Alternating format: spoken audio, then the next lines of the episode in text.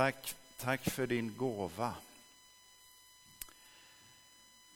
Förra söndagen så började jag en serie om tio Guds bud.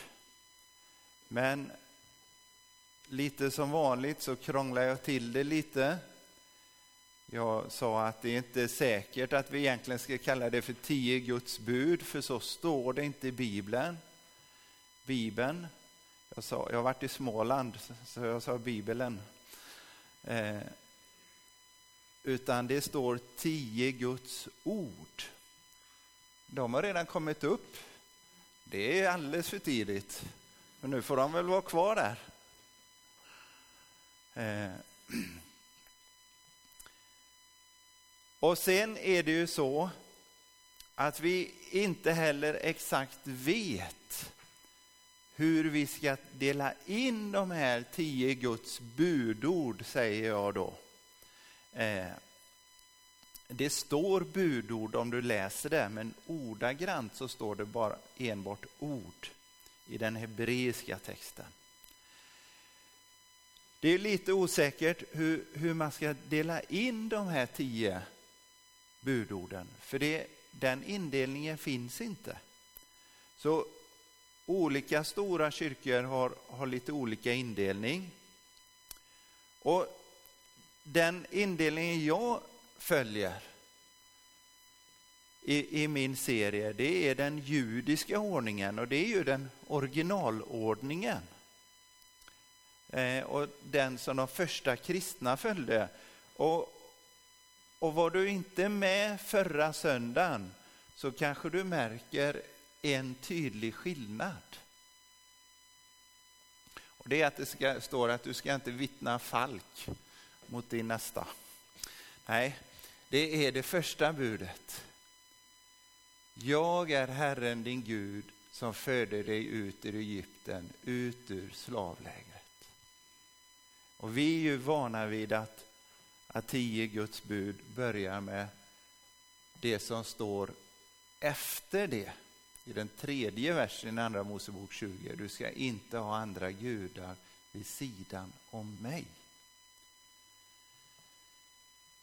Men hela sammanhanget börjar med detta första. Jag är Herren din Gud som föder dig ut ur Egypten, ut ur slavlägret. Och vi konstaterade förra söndagen att, att tio Guds bud handlar inte om ett antal morallagar som liksom är givna för att hålla oss eh, i Herrans tukt och förmaning. Utan tio Guds bud, det är instruktioner. Och så här står det andra Mosebok 32.15. Mose gick ner från berget och bar med sig de två tavlor han hade fått som ett förbundstecken. Så det här, det här tio Guds budord handlar om förbundet mellan Gud och Israel. Ett ömsesidigt förbund med instruktioner i detta förbundet. Och det första budordet handlar ju då om, om Guds del i förbundet. För ett förbund består ju av två parter. Det är han som är initiativtagare till det här förbundet och det är hans handlande som beskrivs. Och där beskrivs ju hur han räddar Israels folk ut ur Egypten. Och för att då gå tillbaka lite, vi behöver inte ha, ha uppe eh, budorden där längre, så, så, eh, så säger Gud till Mose, när, när Gud kallar Mose vid den brinnande busken, så säger Herren så här. Från 3, 7 8. Och Herren sade, jag har sett hur mitt folk plågas i Egypten. Jag har hört deras klagorop över sina slavdrivare. Ja, jag vet vad de får lida. Därför har jag stigit ner för att befria dem från Egypterna och föra dem från Egypten till ett land som är rikt och vidsträckt och som flödar av mjölk och honung. Ett bibelord som varje biodlare gläds sig över.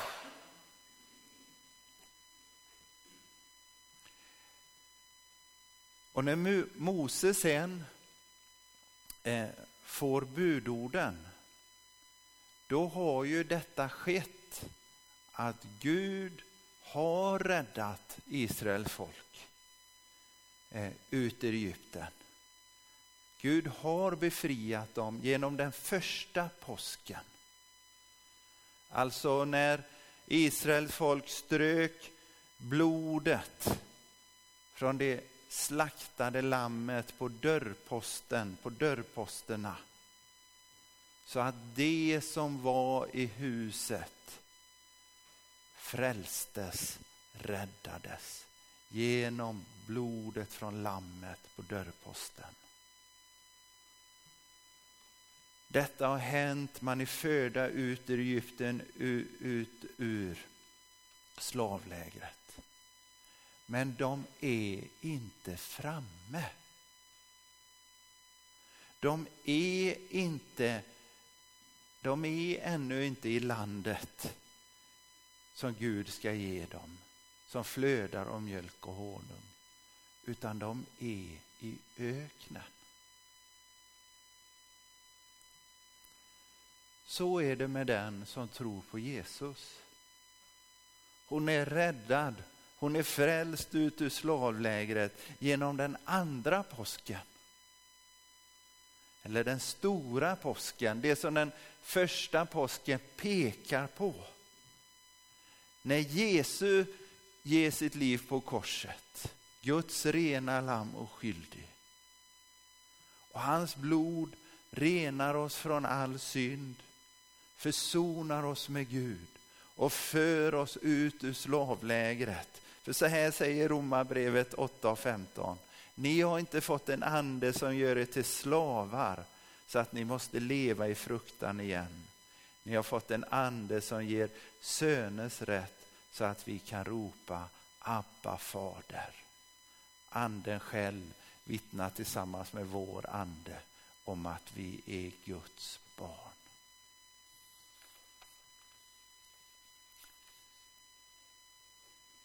Israels folk var frälsta, men det var inte framme. Det var på väg till det land som Gud skulle ge dem. Så är det också för den som tror på Jesus. Hon är frälst, men hon är inte framme. Lyssna till Filipperbrevet 3 och 20-21. Vårt hemland är himlen och därifrån väntar vi också den som ska rädda oss, Herren Jesus Kristus. Han ska förvandla den kropp vi har i vår ringhet så att den blir lik den kropp han har i sin härlighet. Till han har kraft att lägga allt under sig. Israels folk var frälsta, men de var fortfarande kvar i öknen. Så är det även för den som tror på Jesus. Hon är kvar, hon är räddad, men hon är fortfarande i öknen. I ringhet, i förgänglighet, där vi möter sjukdom, lidande, sorg och svårigheter. Jag och Lotta var hos min fru. Vi var hos hennes föräldrar igår.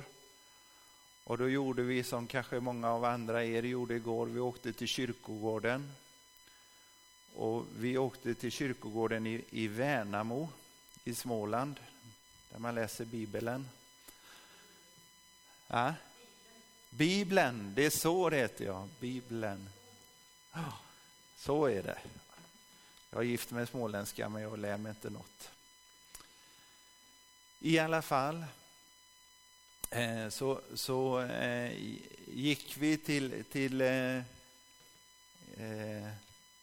till gravarna där och vi gick till Lottas farmor och farfar och, och så. Och sen till sist så gick vi till Lottas gammelfarmor som varken hon eller jag har träffat.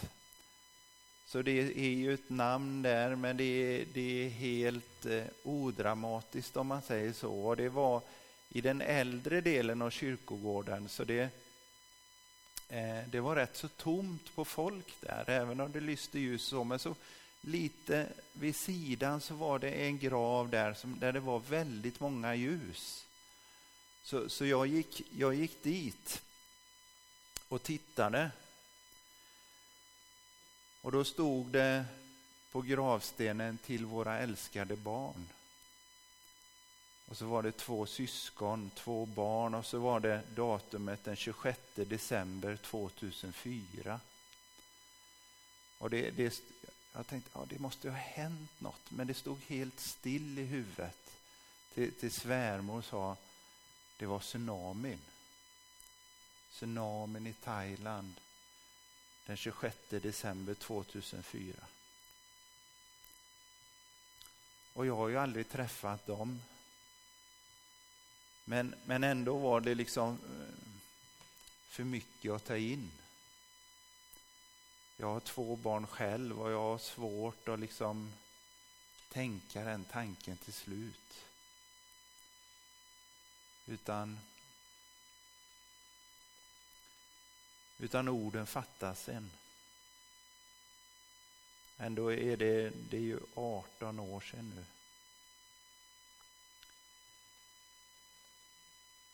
Men det jag kan säga det är att det är inte slutordet. För vi är inte framme.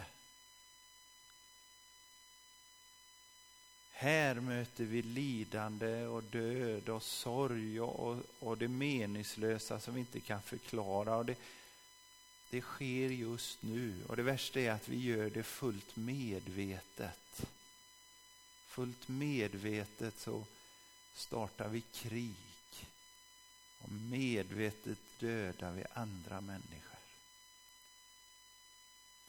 Men det är inte slutordet för vi är inte framme, vi är på väg till vårt hemland. Till himlen. Hur är det där? Ja, om det flödar av mjölk och honung, det vet jag inte. Fast att jag är biodlare så kan jag inte svara på det. Men jag vet detta som Johannes berättar, det som blir uppenbarat för honom. Från Uppenbarelseboken och, och han säger, och från tronen hörde jag en stark röst som sa, se Guds tält står bland människorna och han ska bo ibland dem och det ska vara hans folk och Gud själv ska vara hos dem. Och han ska torka alla tårar från deras ögon. Döden ska inte finnas mer och ingen sorg och ingen klagan och ingen smärta ska finnas mer. Till det som en gång var är borta. Och han som satt på tronen sa, se jag gör allting nytt. Och han sa, Skriv, ty dessa ord är trovärdiga och sanna.